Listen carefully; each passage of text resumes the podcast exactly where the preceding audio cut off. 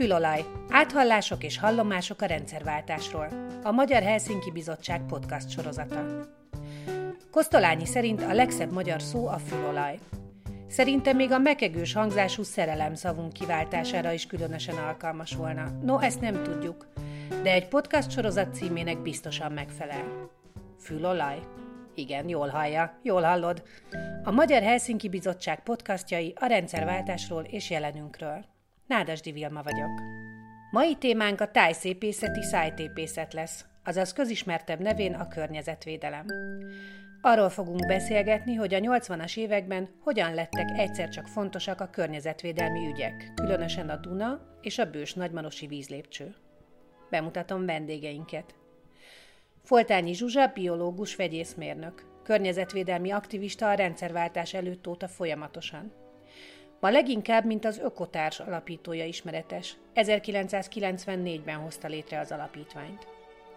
A norvég civil alap körüli politikai cirkusz 2014-ben azzal indult, hogy hozzá az ő otthonába is kiszállt a rendőrség. Mint ismeretes, semmi törvénysértőt nem találtak sem nála, sem az ökotársnál. Másik vendégünk Varga János biológus. Egykor a bős nagymarosi vízlépcső elleni tiltakozás motorjának számító Dunakör egyik alapítója és vezetője. Ez a szervezet volt az egykori kommunista blokk első jelentős civil környezetvédelmi csoportja. A hatalom eleinte üldözte, aztán már csak gyűlölte. 1985-ben a Dunakör megkapta az alternatív Nobel-díjat. Varga János 1998 és 2000 között Orbán Viktor környezetvédelmi főtanácsadója volt, majd lemondott. Azóta keveset tudni róla. Egy biztos, a folyók és a Duna megmaradt érdeklődési területének. Fotózik is. És hogyha jól tudom, nyilván a tevékenységetekből kifolyólag, akkor uh, ismeritek egymást, és uh, együtt is működtetek számos alkalommal az elmúlt 30 évben, 40 évben? Honnan, honnan hát indul ez a dolog? János. Zsuzsa. szóval én valahol 84 körül kezdtem el a, az ELTE Természetvédelmi Klubjában ezt a civil zöldködést, ami egy kicsi klub volt, de hihetetlen sokféle és izgalmas dolgot csinált, és a mód, ahogyan csinálta, az volt az én számomra lenyűgöző. És tulajdonképpen ennek mentén az ember akkor természetszerűleg belefolyt egy csomó más környezeti nagy kérdésbe, így a Duna ügyébe is. És igazság szerint mi már a rendszerváltás után kezdtünk ö, együtt dolgozni, egy Panosz intézet nevű szervezet ö, égisze alatt egy zseniális közép-európai zöld folyóiratot szerkesztve. Ez megjelent több nyelven? Tehát úgy volt közép-európai... Ez jelent meg, Aha. de gyakorlatilag a közép-kelet-európai régió minél több országából próbáltunk egyfajta tudósító hálózatot felépíteni, kiépíteni, ami alapvetően emlékeim szerint az ELTE Természetvédelmi Klubnak egy nemzetközi programján, amit úgy hívtak, hogy Greenway, ennek a bázisán alakult, hiszen így mi már nagyon-nagyon régóta ismertünk zöld aktivistákat Csehszlovákiában, Lengyelországban, Romániában, lent délen, szóval kiterjedt volt ez az akkori kelet-közép-európai zöld activity. Én oda visszamennék egy kicsit, hogy ha 84-ben az eltének volt természetvédelmi klubja, uh-huh. akkor az azt jelenti, hogy volt valamilyen természetvédelem. Én iskolás voltam ezen a ponton. Nekem olyan emlékeim vannak, hogy papírgyűjtés van, üvegvisszaváltás és tejfölös pohárnak a kimosása, ami semmilyen módon nem kapcsolódott egyikünk fejében sem a környezetvédelemhez.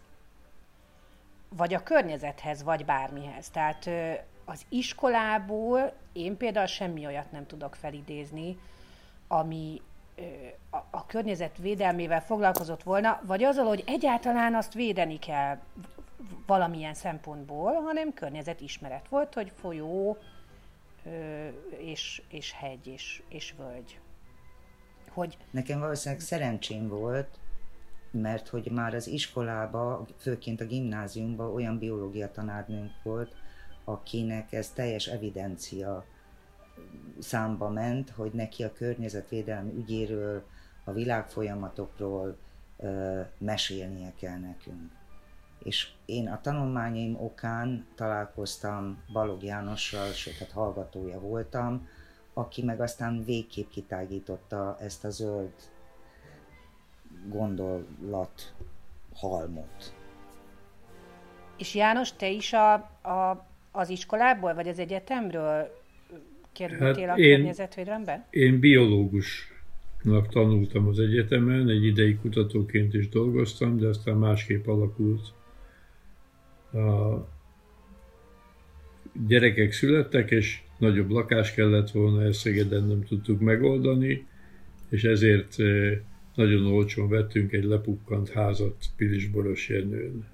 És akkor állást is kellett változtatni, így kerültem a Búvár című környezetvédelmi magazinhoz, és ez hozta azt, hogy találkoztam ezzel a vízlépcső ügyel, amiről én korábban nem tudtam.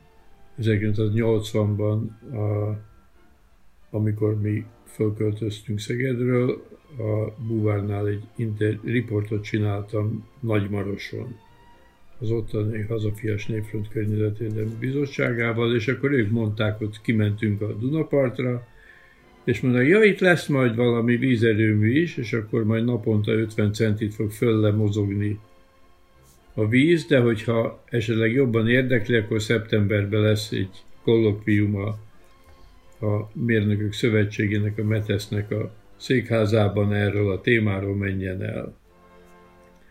És elmentél és elmentem, és hát nagyon furcsa volt a dolog, mert a, a, hát egyrészt láttunk gyönyörű propagandafilmeket, aztán a, a, ott voltak már olyan szakemberek, akik régóta kritizálták, természetesen csak szűk körben, mert nyilvánosan nem nagyon lehetett a vízlépcsőrendszert, ökológiai, hidrológiai és gazdasági szempontból többek között, és nekik nagyon nem akartak levezető elnökök szót adni, vagy eh, kevés időt hagytak nekik.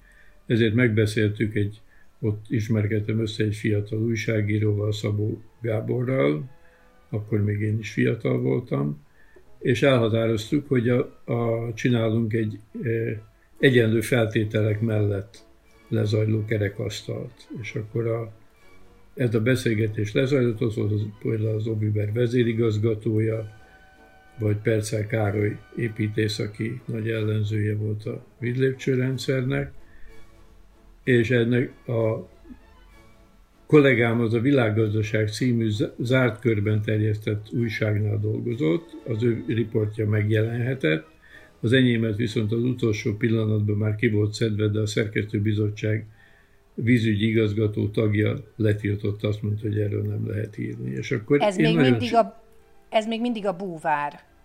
Ez még mindig a búvár. És nagyon csodálkoztam azon, hogy hát e, e, miért, nem, miért nem jelenhet meg, másrészt egy e, személy, személyes e, problémaként is érzékeltem, hogy most akkor engem cenzúráznak, és elkezdtem kutatni, hogy akkor mi van a háttérben, miért olyan volt ez a fontos, ez a cikk, ami azért még nem volt annyira kemény. És akkor kiderült, hogy hosszas búvárkodás, illetve kutatás után, ahogy én azt a, a tudományos pályán megszoktam, levéltárakban, könyvtárakban mindent próbáltam összeszedni a sehol egybe le nem írt történetet, és összeállt a dolog, hogy ennek mi a történelmi politikai háttere, mi a gazdasági háttere, mi a, a szociológiai háttere, hogy, hogy akarja egy lobby a saját érdekeit érvényesíteni pénzért és dicsőségért, hogy milyen a viszony a KGST-n belül, hogyan viszonyul ehhez a Szovjetunió, Csehszlovákia, mi a, a jelentősége a csehszlovákiai magyar kisebbség szempontjából, és elsősorban az, hogy milyen környezeti hatások várhatók, hogyan próbálták a mérnökök ezeket figyelmen kívül hagyni, negligálni. És Tehát akkor nagyon... csak csak bocsánat, hogy belevágok, csak ez azért, ez egy egész elképesztő történet nekem, már az, hogy ez nem épült meg.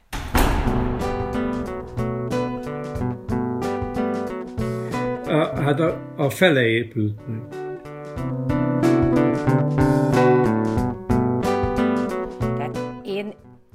Én nem is tudom, hogy ma lehetséges lenne az, hát jó, a fele megépült, de hogy, és tudom, hogy, hogy az is pusztít rendesen.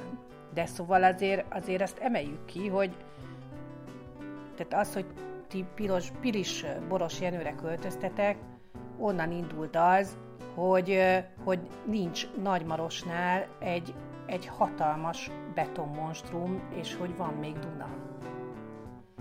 Nekem, nekem elképesztőek ezek a történetek, szerintem ez azért nagyon fontos, hogy, hogy értse azt mindenki, amit hát, ti nyilván aztán nagyon sokszor elmondtok, hogy számít az, hogy te mit csinálsz, hogy én mit csinálok. Nem úgy van az, hogy nagy, csak nagyba, meg csak 500 ezeren lehet valamit csinálni, mert ez nem igaz. Hát én azt gondolom, hogy akkoriban is úgy mondtam, hogy ez a vízlépcső rendszer, mint nagy beruházás, ez egy csúcsánra állított, fordított piramis nagyon instabil helyzetben, tehát egy kis erőfeszítés elég ahhoz, hogyha meglökjük akkor esetleg eldől. A búvárnál a kollégáim, amikor én ugye nem adtam föl a cikkem betiltása után, akkor csodálkoztak, hogy hát ez egy eldöntött kérdés, nemzetközi szerződés alá van írva, hát mit akarok én már, mennek a buldózerek, és én mondtam, hogy a matematikai esély, hogy ezt meg lehet állítani, az a nullánál biztos, hogy valamivel nagyobb, nem tudom, hogy mennyivel. Na most az a kevés, amit én ebbe mint személyesen bele tudok investálni ebbe a problémába, elsősorban a növények, állatok, halak, madarak, madarak és egyéb élőlények érdekében, akik a folyó mentén élnek.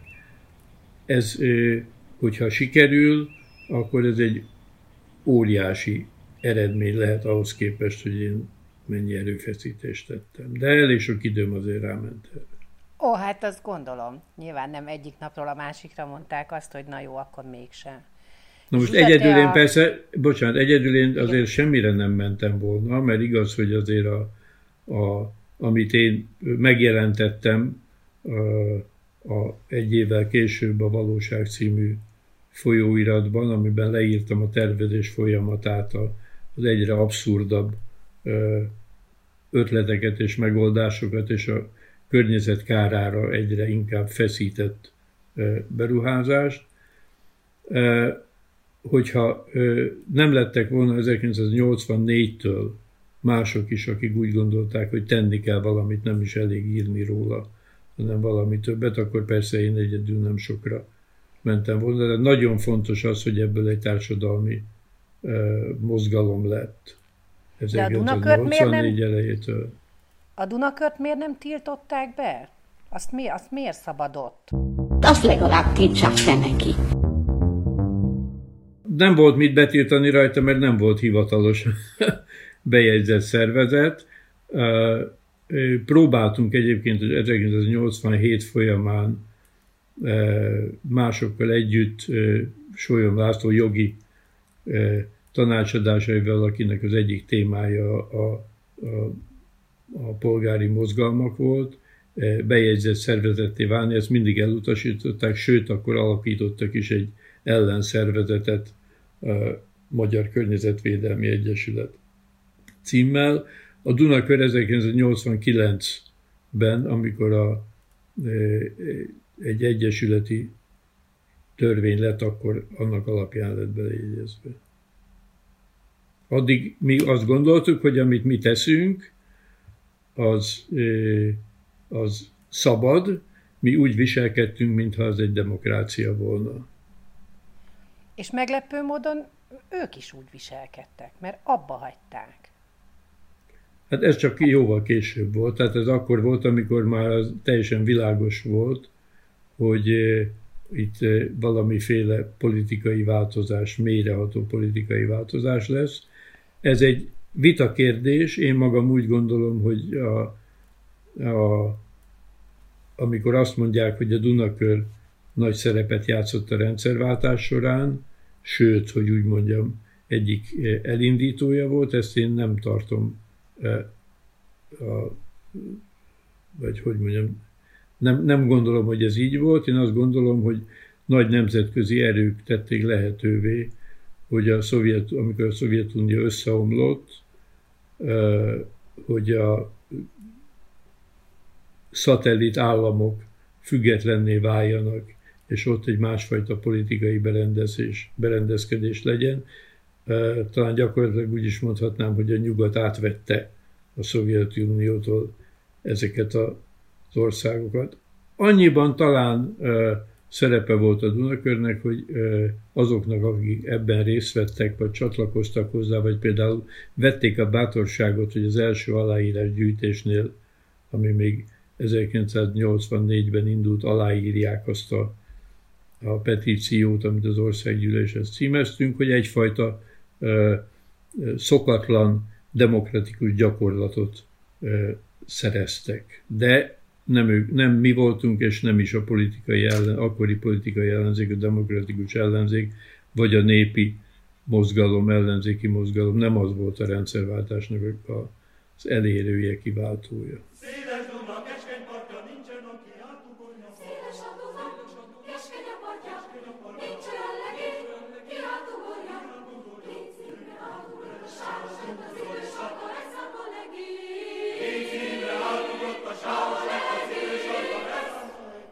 Zsuzsa, te a Dunakörbe becsatlakoztál? Hát lévén nem volt mibe, tehát nem váltam tagjává, lévén nem létező entitásról beszélünk, de azért így vannak emlékképeim, hogy mi mindent segítettünk. Tehát így van egy ilyen ködös emlékem, hogy a Halcol Jóska bácsihoz rohantunk az egébe valamit fénymásolni, mert Halcol Jóska bácsi annak idején ezt így nagyon szívesen megengedte. Az EGI egyébként az Energiagazdálkodási Intézet volt, úgyhogy ez egy ilyen érdekes történet. Azok Vagy a hát szervezetek... Nézd, én a... Mond, mond, Tehát, bocsánat. hogy én azt is éltem, én akkor újságíró voltam, ráadásul a METESZ, Impulzus című világnapjánál, és ugye a METESZ az a Műszaki és Tudományos Egyesületek Szövetsége, tehát a mérnökök mérnökeinek gyülekezete.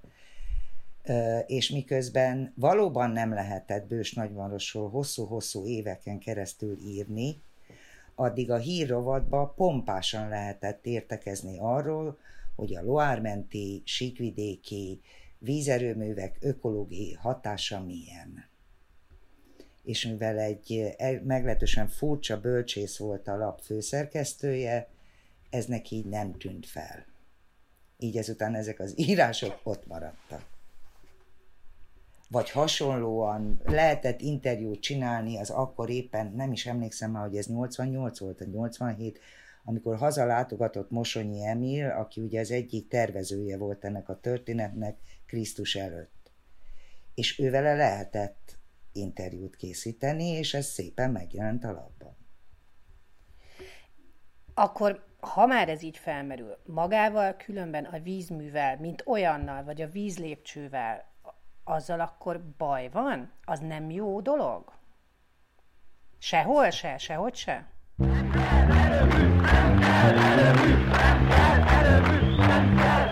Mond, János, igen.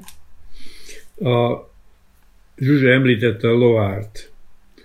A, ö, amiatt a Dunakör csinált, az egy akkoriban ö, már hosszú évek óta folyó nemzetközi mozgolódásnak vált a közreműködőjévé részévé, Alakult is egyébként a, a Berkeley-ben, Kaliforniában egy, egy kis szervezet, a, a Nemzetközi Folyóhálózat néven International Rivers Network, akik ezeket a mozgalmakat, a, amíg a, a harmadik világtól, tehát a távol-kelettől, vagy Amerikától a távol-keletig mindenütt próbálták a folyók élővilágát megvédeni ezektől a gátberuházásoktól, amelynek a többsége sem gazdaságilag nem értelmes, és gyakorlatilag megszünteti azon a szakaszon a folyót, ahol felduzzasztja azt, mert egészen más és a korábbinál szegényesebb élővilág fenntartására alkalmas körülmények maradnak ott. Már 1954-ben egy amerikai nagy konferencia, ami azzal foglalkozott, hogy az ember hogyan hat a Földre és a Föld élővilágára, már ott felvetették a Mississippi-Missouri folyórendszernél, hogy a így létrehozott gátak, megépített gátak és tározók, azok tönkreteszik a folyókat, tehát nem előzmény nélküli, és a, az nagyon-nagyon fontos, hogy a, a, ez a bős nagymarosi lépcsőrendszernek a felső része, ez az oldalcsatorna, ahova elterelték a folyó vízhozamának a nagy részét, és ami el van szigetelve a környezetétől, tehát a víz nincs aktív kapcsolatban a természettel. Ennek az előképe a Rajnán épült oldalcsatorna, amely egy 19. századi ötlet és javaslat, de a, csak azért épült meg, mert a győztes Franciaország a Versailles békeszerződésbe belefoglalta azokat a feltételeket, aminek alapján Németországgal szemben átterelhette a Rajnát a saját oldalára. Ez a közvetlen előképe volt a, a bősi oldalcsatornának.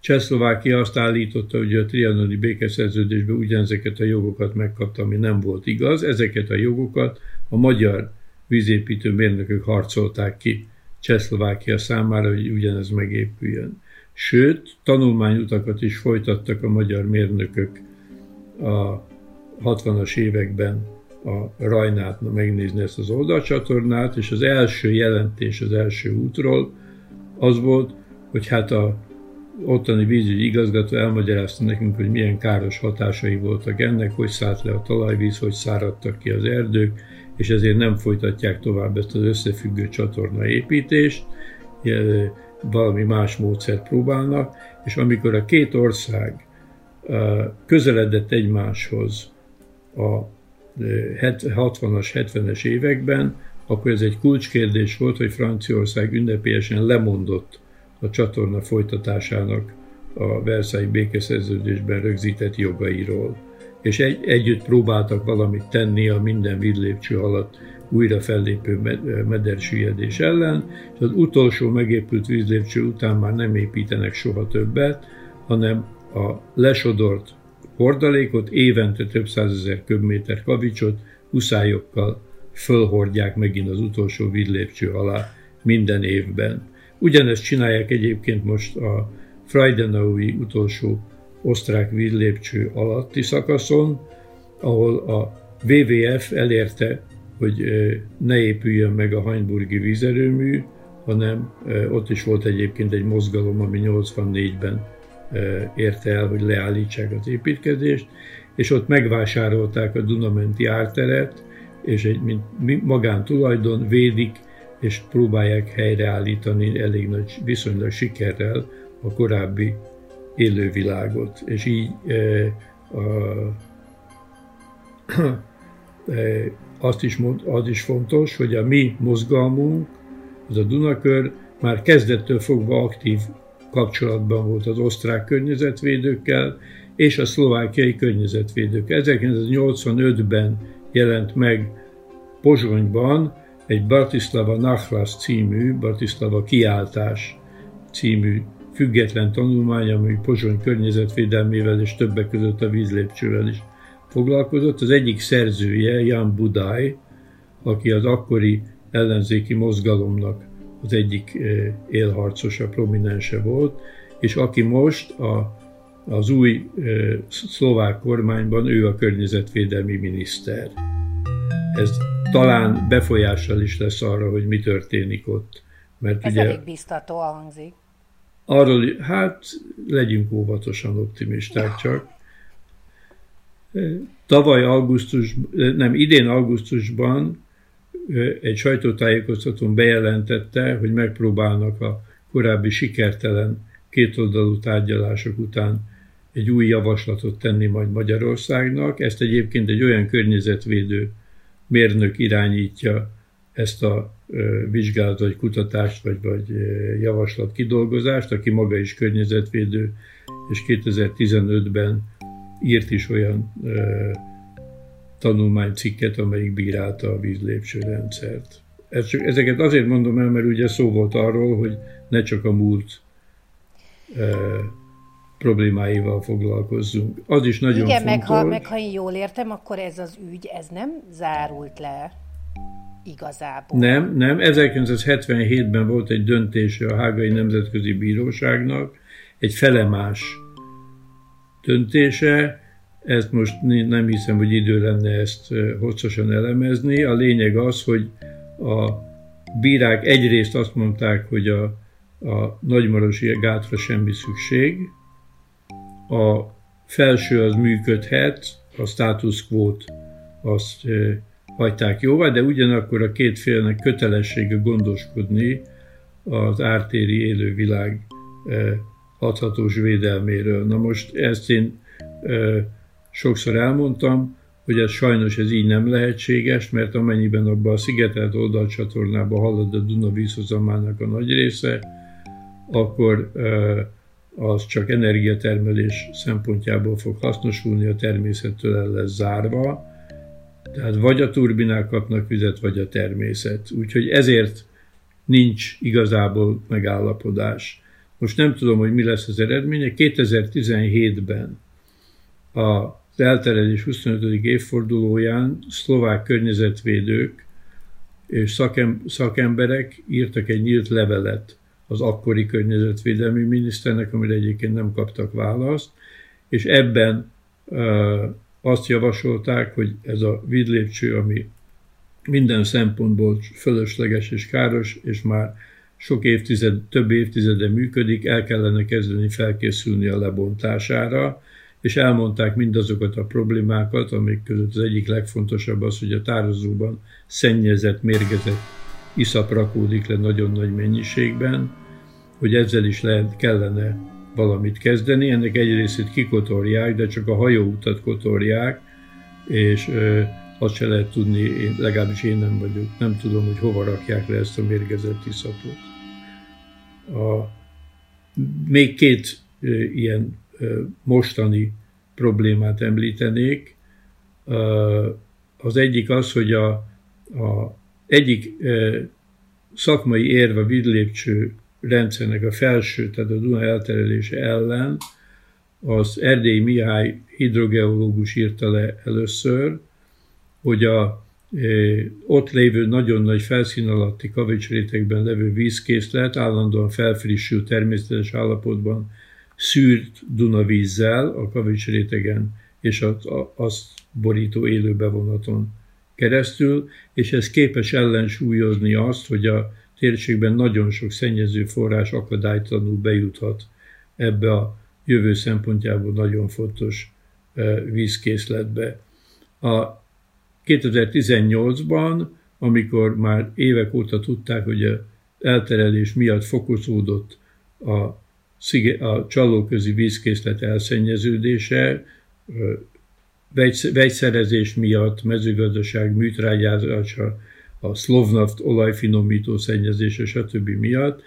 Ezért, mivel a Dunának ez a higító, frissítő szűrő hatása megszűnt, ezért egy Lex Csallóköz néven egy törvényt alkottak, amely most, most nagyon-nagyon szigorúan bünteti azokat, akik valamilyen módon ezt a vízkétletet szennyezik, mert a Duna már nem képes ennek a védelmére. A legutóbbi fejlemény pedig az, hogy készült egy tanulmány a Csallóköz környezeti állapotáról, amit a környéken lakók, Somorján és máshol lakók nagy felháborodással fogadtak, mert azt állította, hogy ott minden rendben van, és nagyon szép a természet, és azt mondták, hogy úgy látszik, aki ezt a tanulmányt írta, az a közelébe sem ment a Mondjuk Dunának. ez elképzelhető. ez elképzelhető. Tehát ez egy, nagy, ez egy egészen friss, másfél hónapos történet, úgyhogy van ott is mozgolódás, de hát sajnos, amit mi 20-30 évvel ezelőtt mondtunk, az a, a részben a rajnai tapasztalatok miatt, részben tudományos vizsgálatok, meg az egész folyó tudomány megállapításai alapján, azok sajnos igazolódnak. Azt mondtuk, hogy a, a szigetközi, csalóközi ágrendszernek az élővilága az fokozatosan néhány évtized alatt fog átalakulni, hogy ez a Rajna mellett is történt. A, a nedves területek élővilágából egy sokkal kevésbé összetett, sokkal kevesebb faj tartalmazó, szárazságot, több szárazságot kedvelő fajok élőhelyevé a mindenképpen ér, ökológiai szempontból és a biodiverzitás szempontjából sokkal kevésbé értékes terület. Ez így történt sajnos. Volna remény a visszaállításra, de ehhez gyakorlatilag a vízhozam javarészét vissza kellene terelni a Dunába, a Duna eredeti medrébe és a mellékágakba, amire sajnos politikai okokból egyenlőre semmi lehetőség sincs. Azok, akik a vidlépcsőt fontosnak tartják, azok úgy hívják Szlovákiában, hogy a családi ezüst. Tehát a, a újjáépült Szlovákia egyik nemzeti szimbólumaként tartják számon és propagálják. Gondolom, ezek nem azok, akik ott laknak mellette. Hát én ezt én nem tudom, hogy aki propagálja, az vajon ott lakik-e. A, az a mérnök, aki vezette a Duna elterelését, ő maga ö, politikus is szeretett volna lenni, képviselőként is indult, és több beszédében, cikkében Magyarországot azzal bírált, hogy a trianoni szerződés revízióját akarja elérni, és csak azért akarja a vízlépcsőrendszer felépítését megakadályozni. Még egy fontos problémát említenik, aztán azt ki lehet majd vágni belőle, hogyha nem olyan érdekes, hogy a, a hágai bíróság ez a felemás, inkább jogi, szerződés jogi döntése egyáltalán nem vizsgálta azt, hogy a két fél előadott tudományos érvei, amelyek szlovák, magyar részéről bírálták a beruházást, Szlovákia részéről védték a beruházást, hogy ezek közül mi az igaz, a bíróság, és ezt az azóta a nagy nemzetközi jogi szakirodalma van ennek a hágai pernek és a döntésnek. Ezt többen bírálták, hogy a, sem ebben, sem más ügyekben a hágai bíróság, amelynek a bírái nem értenek ezekhez a kérdésekhez, nem volt képes arra, hogy nem, független szakértőkkel vizsgáltassa meg a két fél tudományos álláspontját. Az egyik ö, ilyen probléma, ami nem csak ökológiai, hanem szociológiai társadalmi is, hogy a magyar félnek az egy érve, amikor fölbontotta ezt a szerződést még a Duna elterelése előtt, az volt, hogy egy, egy a nemzetközi jogban így, így fogalmazták, hogy azonnali veszélyt kellett elhárítani. Most a bíróság csak azt tudja azonnali veszélynek elképzelni, hogyha a valamelyik országnak a határán a ellenség tankjai felsorakoznak, és ilyesmi, mert akkor azonnal támadás. Tehát nem, arról van szó, hogyha egyszer elterelik a Dunát, akkor, a, akkor azt a társadalom tehetetlensége és a, ö, a politikai viszonyok miatt ezt nem nagyon lehet visszacsinálni. Most azóta persze, és abban az időben is már elindult egy mozgalom a gátak eltávolítása, amely igyekszik a folyóknak a, a összefüggő élő rendszerét a gátak lebontásával visszaállítani. Ezek általában már Európában is egyébként ezernél több gátat bontottak le, Amerikában meg 2000 is, de ezek általában ilyen nagyon kicsi, alacsony gátak kis vízfolyásokon, de most már történtek nagyobb, ennél nagyobb, de persze a bősinél jóval kisebb vízlépcsők lebontása, és ahol visszaterelték a folyót, és ott már a természet elkezdett visszatelepülni. Ennek nemzetközi és európai szervezete is van ennek a mozgalomnak. De azt mondjátok, hogy akár a bősit is le lehetne bontani. Ezt mondjátok? De... Vagy hogy ez, hát ez üdvös lenne? Igen. Abszolút. Egyértelmű, igen.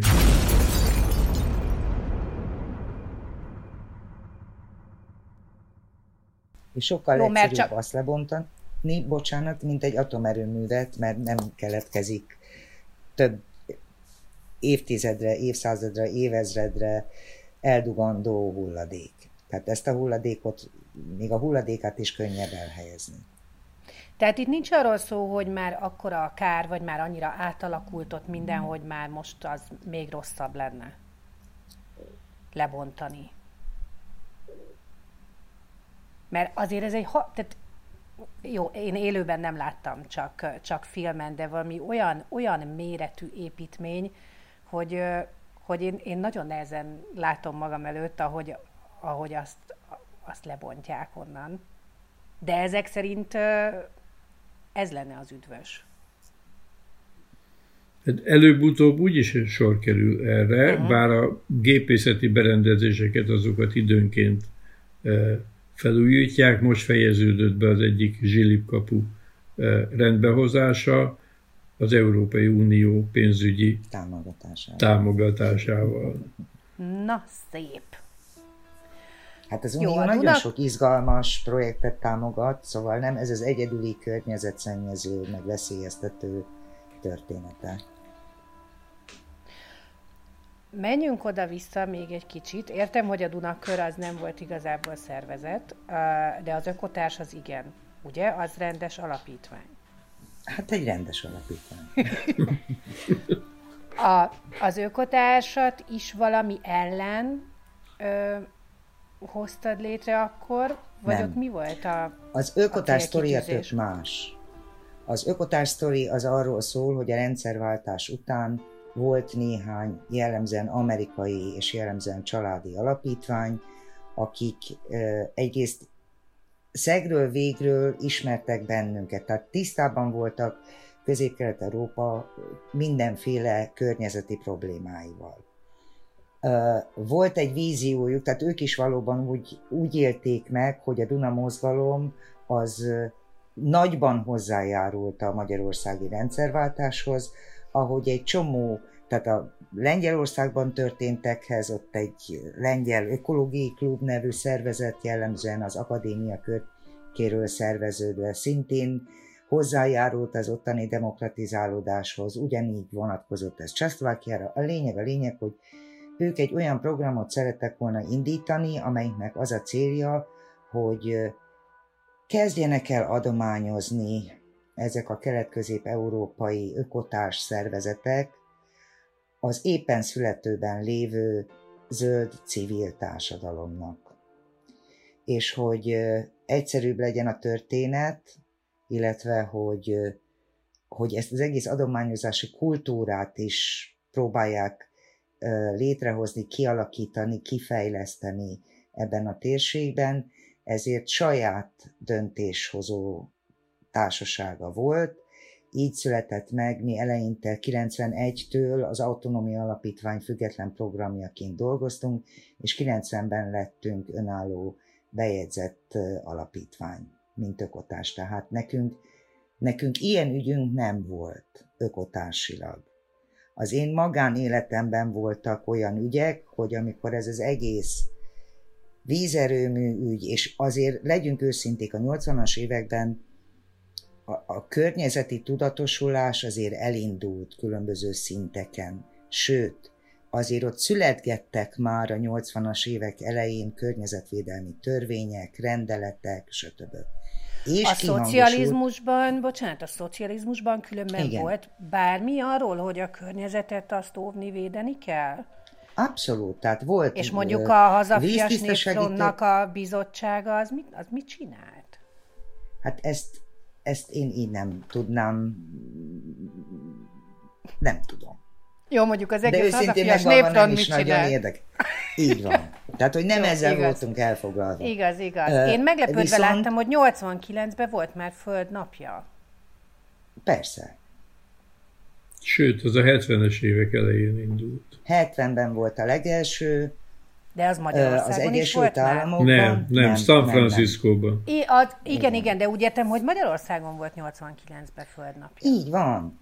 Amikor egy, mindegy, egy véletlen folytán egy Gadó Gyuri nevű legény megismerkedett ennek a földnapja mozgalomnak az amerikai atyával, és akkor így rájöttek, hogy milyen jó lenne, ha Magyarországon is lenne, és akkor igen, megrendeződött a magyar földnapja is.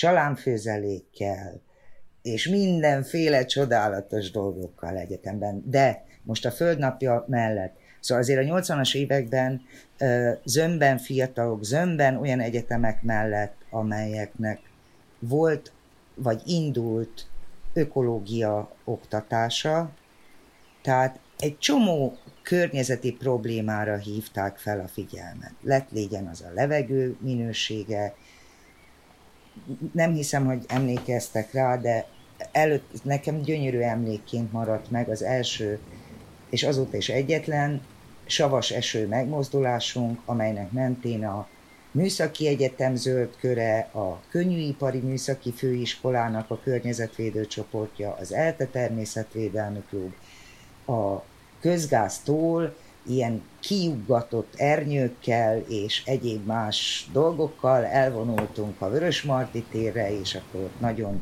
körbeálltunk, és nagyon örültünk annak, hogy mi most itten felvonulhatunk. Tehát voltak ilyen előzmények, és ehhez tartozott az is, ami egy roppant vicces dolog volt, hogy a BKV megengedte, hogy kiplakátoljuk a villamosok, bizonyos villamosok, meg buszok oldalát, felhíván a figyelmet a levegőszennyeződésre, meg a savas esőkre, meg egyebek, és utána nem sokkal volt az, amikor a BKV elkezdte hirdetési felületnek árulni ezeket a villamos oldalakat, meg busz oldalakat.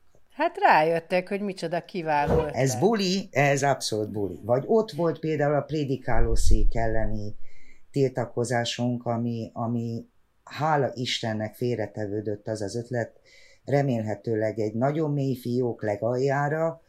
A, ugye az volt a koncept, hogy majd a megtermelt paksi árammal ö, vizet tolunk fel a hegy gyomrába, és amikor ö, csúcsáramra van szükség, akkor azt majd onnan leereszte, turbinákat hajtunk meg, és akkor így lesz vízünk. Ö, illetve áramunk, bocsánat. Ö, Szóval, hogy sok-sok ilyen dologgal foglalkoztak akkor a, a, a civil szervezetecskék vagy csírák, amik aztán a rendszerváltás után valóban pillanatok alatt lettek önálló független civil szervezetek. Ki egyesület, ki alapítvány, szövetségek alakultak. Szóval akkor az egy nagy boom volt a rendszerváltás körül. Az iskolában mikor jött ez be?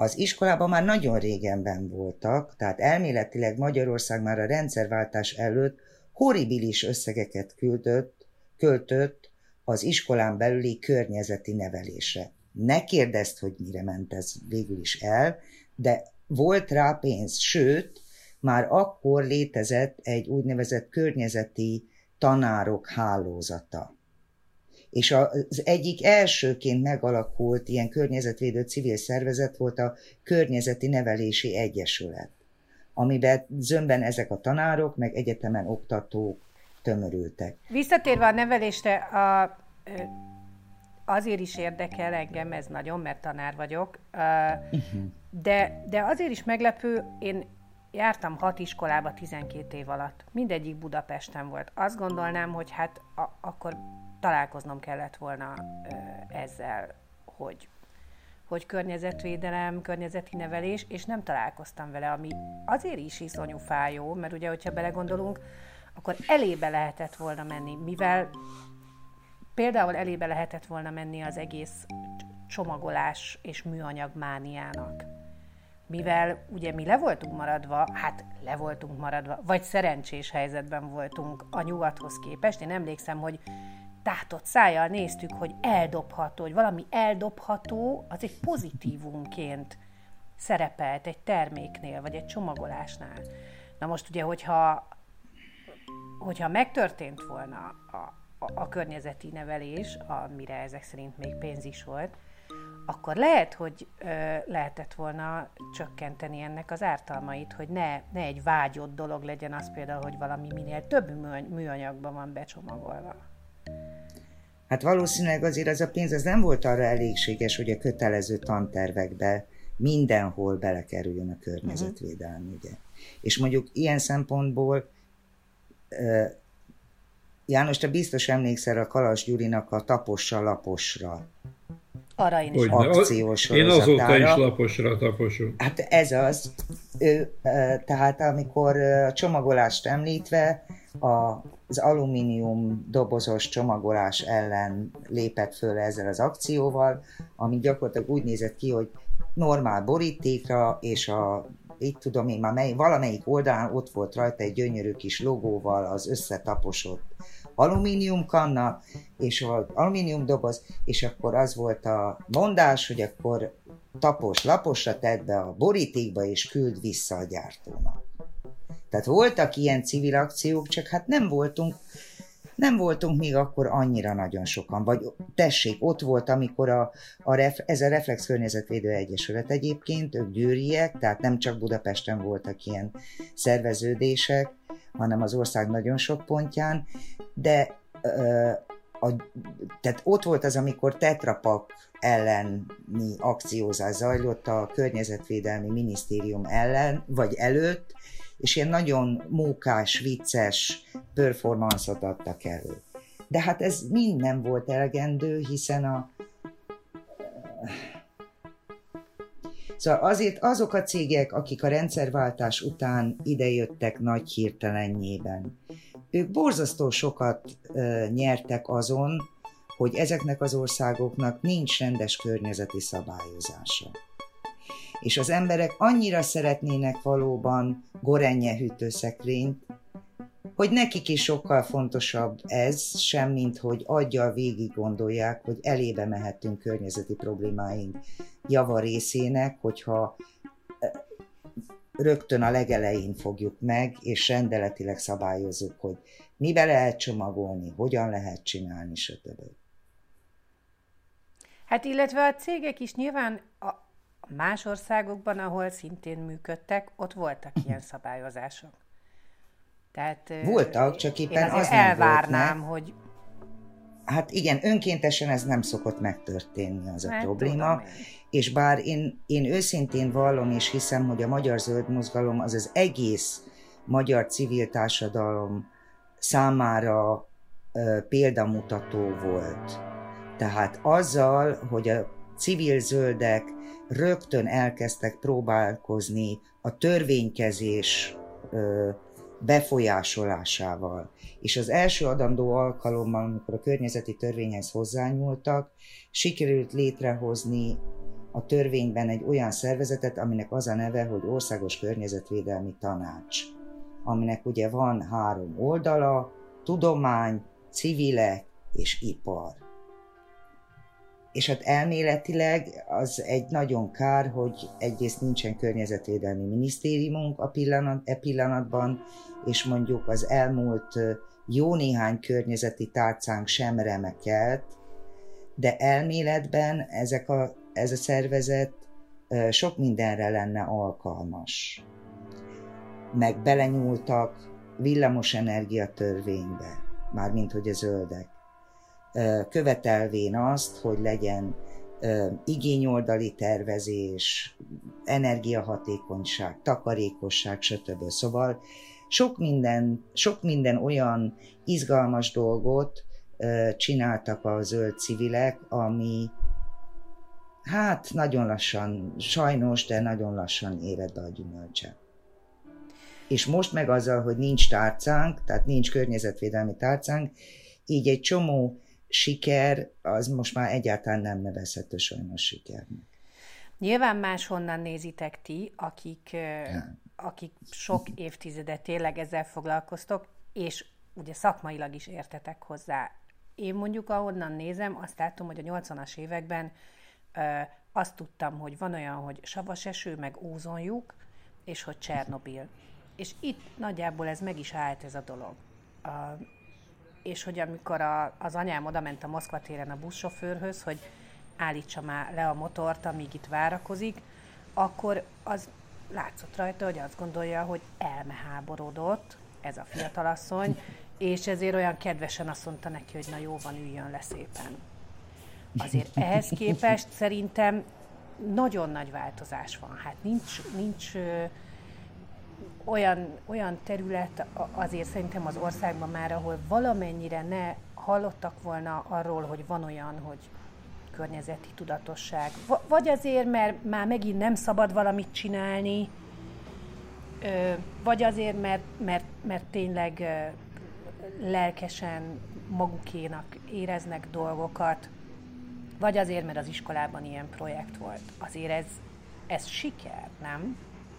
De, hát persze, sok minden, persze, természetesen a sikernek nevezhető, de azért ez egy globális trend is, hogy a, tehát minél, ha arra gondolunk, hogy mikor jelent meg a római klub jelentése, Római Klub a világ kilátásaival foglalkozó tekintélyes nemzetközi szervezet. Az első jelentése valójában a felkérésére íródott tudományos prognózis a Föld természetes erőforrásainak kimerüléséről, amely 1972-ben készült el, és a növekedés határai címet viselte. Hogy hány mindenféle kiadvány készült a világ helyzetéről, állapotáról, hogy hányféle nemzetközi egyezményről tudósít ma már a sajtó.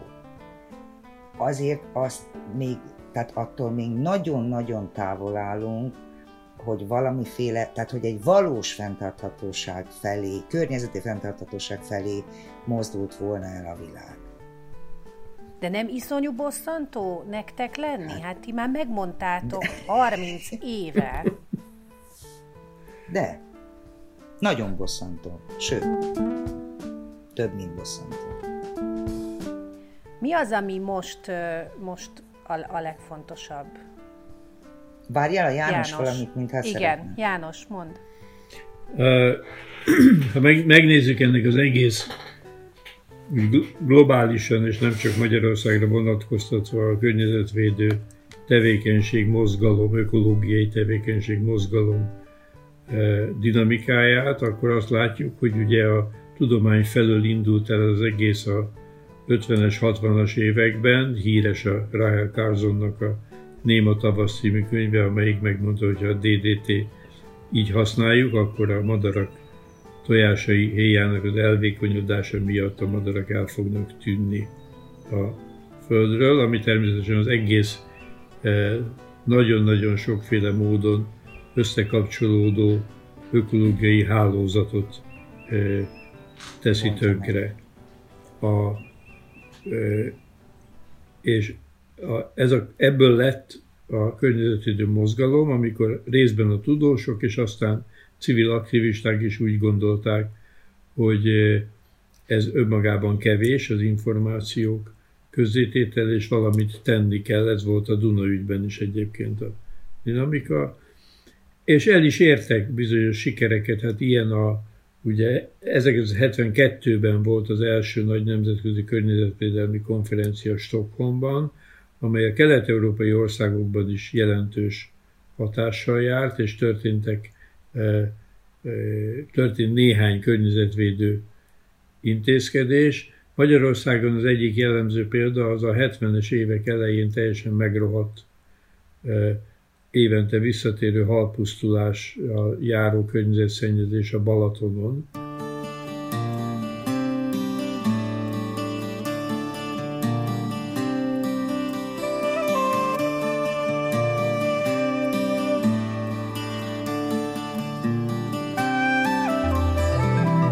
ami ellen az akadémia indított egy programot, a felszámolását, és építettek is egy körbevevő csatornát a Balaton körül, hogy a szennyvizek ne folyjanak be a Balatonba. Ennek e, néha egy Láng István volt a vezetője, de azt is lehetne mondani, hogy ez azért volt sikeres, mert a párt vezetői Tihanyban üdültek általában a Balatonnál, és hogyha nekik is büdös volt a Balaton, akkor már tényleg lehetett valamit csinálni. De hát ez a Kelet-Európára volt jellemző. Azért most emlegetett 20 esztendővel ezelőtt bizony nem szégyeltük elővenni a proletár diktatúra keményebb oldalát is, mert a nép élete jövője, a nemzet szocialista jövője az minden másnál előbbre való. Nyugaton a nagyobb szabadság, nagyobb demokrácia lehetővé tette hatékonyabb környezetvédő mozgalmak elindulását, amely jelentős részben ilyen van issue, együgyű mozgalmakból indult ki Németországban az atomerőművek ellen, ebből nőtt ki a zöld párt. Azonban a technológiai eh, érdekcsoportok az első meglepetés után, amikor kénytelenek voltak valamit csinálni, volt például az Ózon Egyezmény, Nemzeti Montreali Egyezmény, amely jelentősen korlátozta az ózonréteget károsító hűtőgépekben használt folyadék használatát. A, ezek a lobbik, ezek megtanulták azt, hogy hogyan védjék ki ezeknek a környezetvédő mozgalmaknak a hatását, és nagyon erős ellenpropagandát folytatnak. A klímaváltozásnál ez a, a látszik a legjobban, hogy az olajipar hogy támogatja azokat a, a kis számú, de aktív szakembereket, akik azt állítják, hogy az emberiség tevékenység semmi köze a, a klímaváltozáshoz.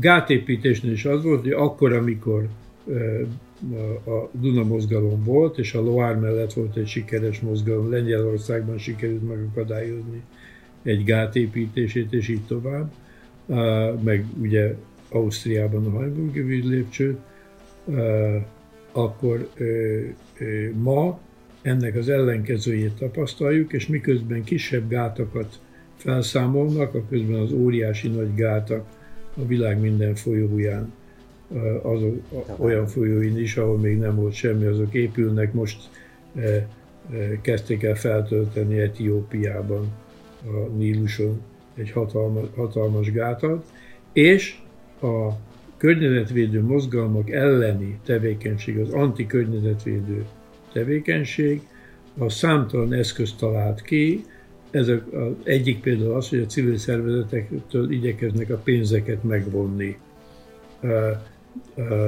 Ez a Oroszországban és nálunk is megjelent szabályozás, hogy idegen ügy, hatalmak ügynökeinek nyilvánítják azokat a környezeti mozgalmakat, amelyek a nemzetközi szervezetektől elfogadnak vagy kapnak támogatást. Tehát az, amikor a Zsuzsa említette, hogy voltak ezek az alapítványok, akik a rendszerváltás körül a Rockefeller Brothers Fund és mások, a German Marshall Fund támogatták a magyarországi eh, környezetvédelmet. Ma egy ilyen támogatás az ellenséges tevékenységnek minősül az, az uralkodó párt eh, nézete szerint, de eh, még tovább menve kriminalizálják is a környezetvédőket, bűnügyi pereket indítanak ellenük.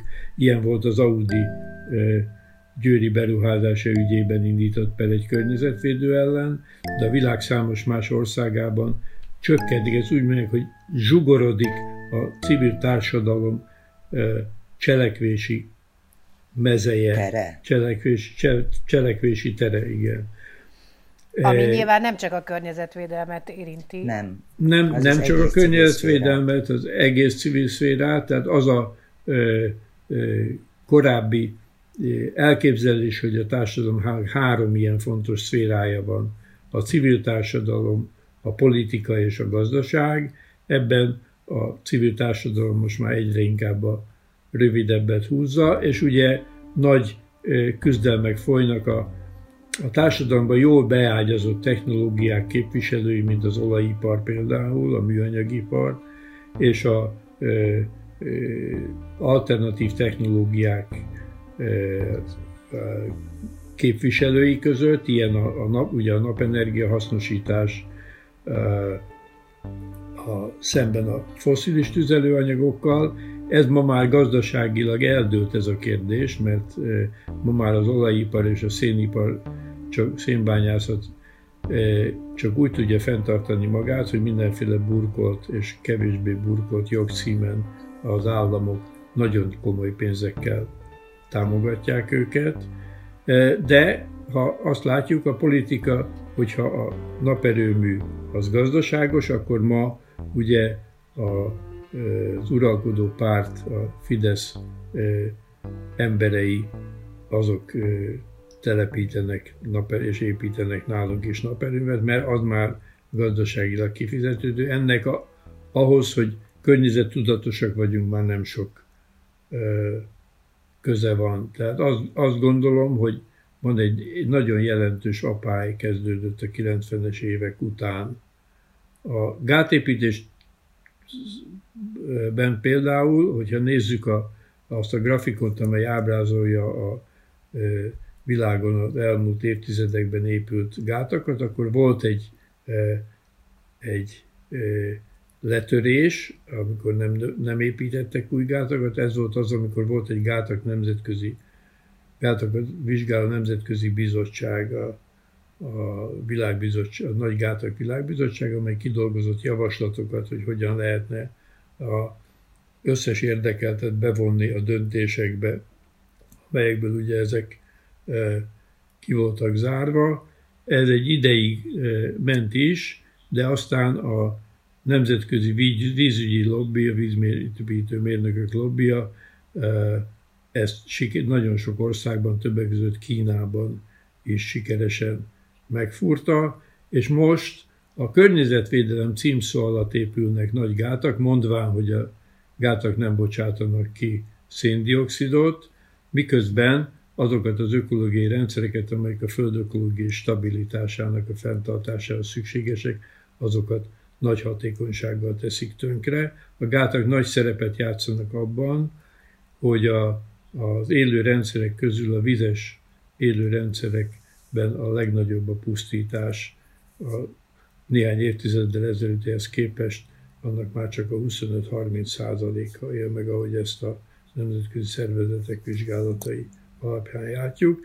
És egy ilyen nagy fellángolás, mint a, a Greta Thunberg mozgalma, az is viszonylag rövid idő alatt sikerült jelentős mértékben hatástalanítani. Ő maga is arról ír, hogy milyen csalódás volt számára, hogy a politikusok ugyan kezet rádnak vele és fogadják mindent, de gyakorlati lépésekre nem kerül sor. This is all wrong. I shouldn't be up here. I should be back in school on the other side of the ocean. Yet you all come to us young people for hope. How dare you?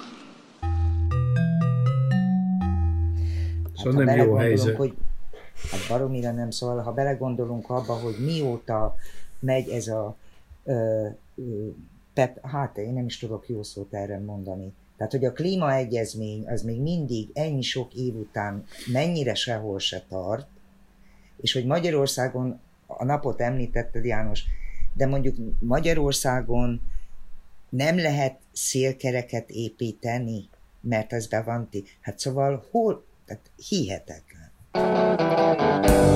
Harsogó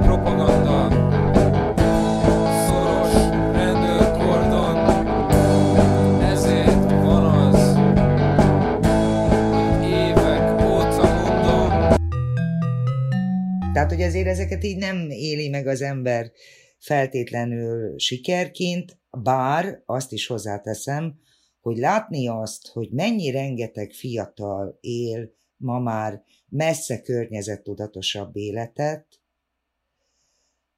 azért az egy nagyon jó dolog.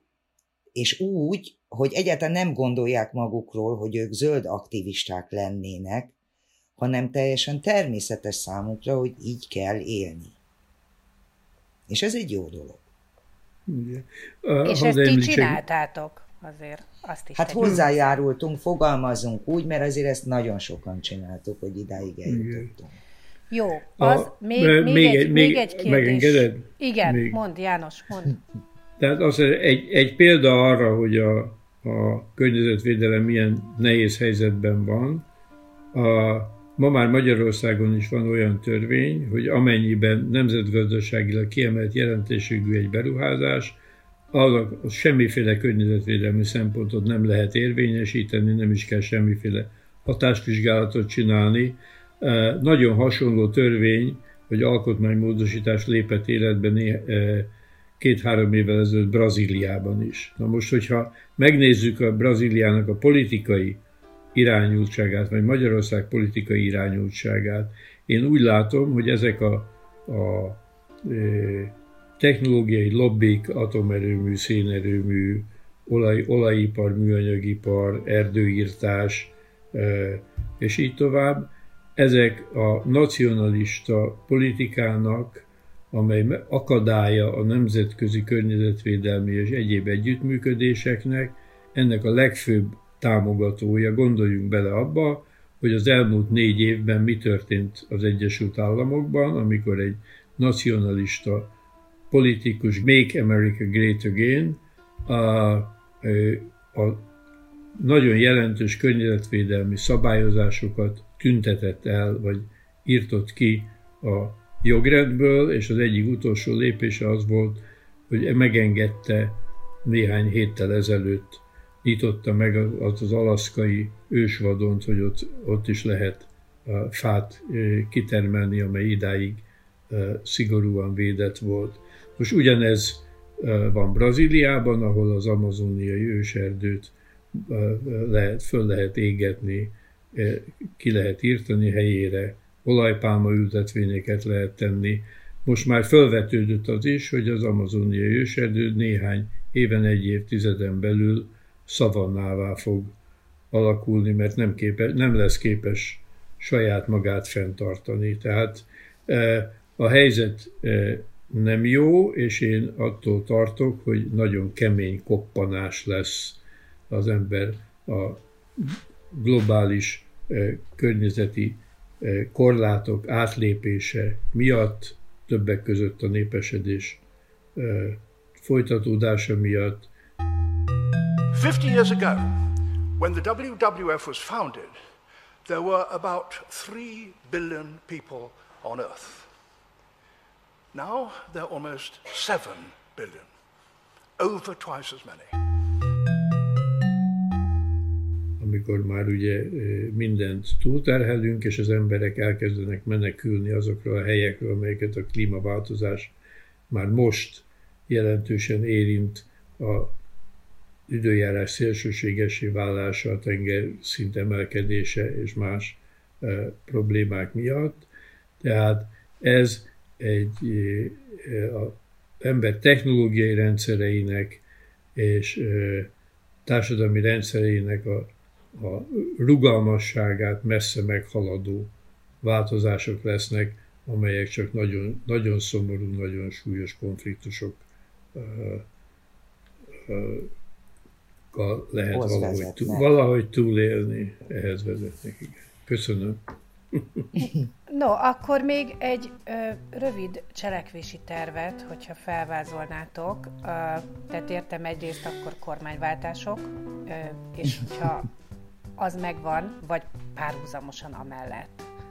Ö, mit, mit, mit tegyen az, aki, aki most környezetvédő? Tegyen meg mindent, hogy ne épüljön meg Paks 2, alaphangon, mert azért az egy hihetetlen havária lenne ennek az országnak.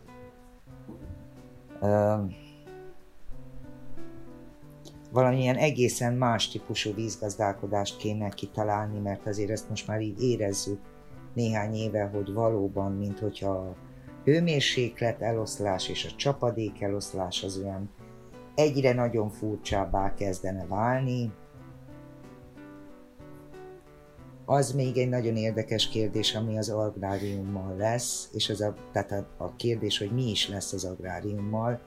Tehát végül is megyünk nagyon gyorsan egy ilyen giga ö, birtokmérettel a nagyipari mezőgazdálkodás irányába, ami még ha precíziós is, akkor is eléggé ijesztő környezeti hatásai lehetnek, és a környezeti hatások alatt tekintem én az emberi táplálék minőségét is, ami feltetőleg egy ilyen típusú mezőgazdaság esetében nem lesz vegyszermentes. Rengeteg, tehát ez, ez borzasztó hosszan lehet sorolni, és valószínűleg a number one az az, hogy le, szülessen már nekünk egy környezetvédelmi miniszterünk, akinek agya is van, és széket is kap hozzá. Én azt gondolom, hogy ezekhez egy nagyon komoly uh, politikai irányváltásra volna szükség.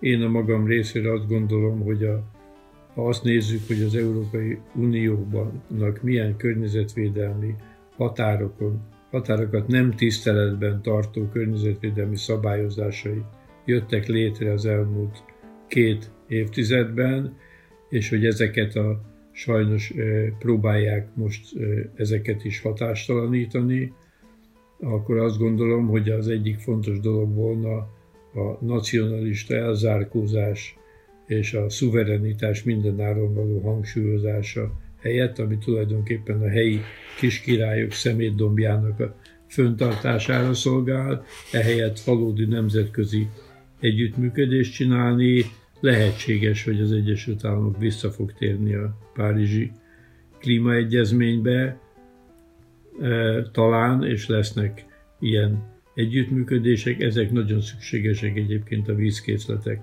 megóvásáért is, és tényleg nagyon kevés időnk van arra, hogy a széndiokszid és a metán kibocsátást az annyira le tudjuk csökkenteni, hogy lelassuljon a globális felmelegedés. E, én nagyon pessimista vagyok e tekintetben. E, egy e, nagyon okos ember, a Stephen Hawking azt mondta, hogy hát sajnos itt most már csak egyetlen lehetőségben, hogyha megpróbálunk egy másik bolygóra elköltözni. Ugye Elon Musk már csinálja a Mars utazást. Én azt gondolom, hogy ehhez sincsenek kellő erőforrásaink, a dolog fizikája is meglehetősen kétséges, hogy e, van-e idő arra, hogy mi e, máshova elmenjünk. Nekem erről az a régi 50-es évekbeli vicc jut eszembe, hogy a Kumbácsi bemegy a, a útlevél hivatalba, hogy szeretnék kivándorolni. Hát de hova szeretne menni? Hát nem is tudom, de szeretnék kivándorolni. Na figyeljen, itt van egy földgömb. Válasszon valamit. Akkor bácsi pörgeti, pörgeti a földgömböt, aztán megszólal. Tessék, mert nincs egy másik?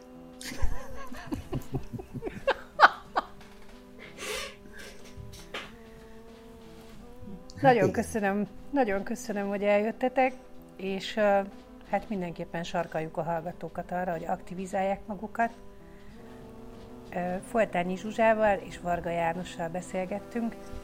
Én Nádasdi Vilma vagyok, ez volt a Fülolaj, a Magyar Helsinki Bizottság podcastja a rendszerváltásról és jelenünkről.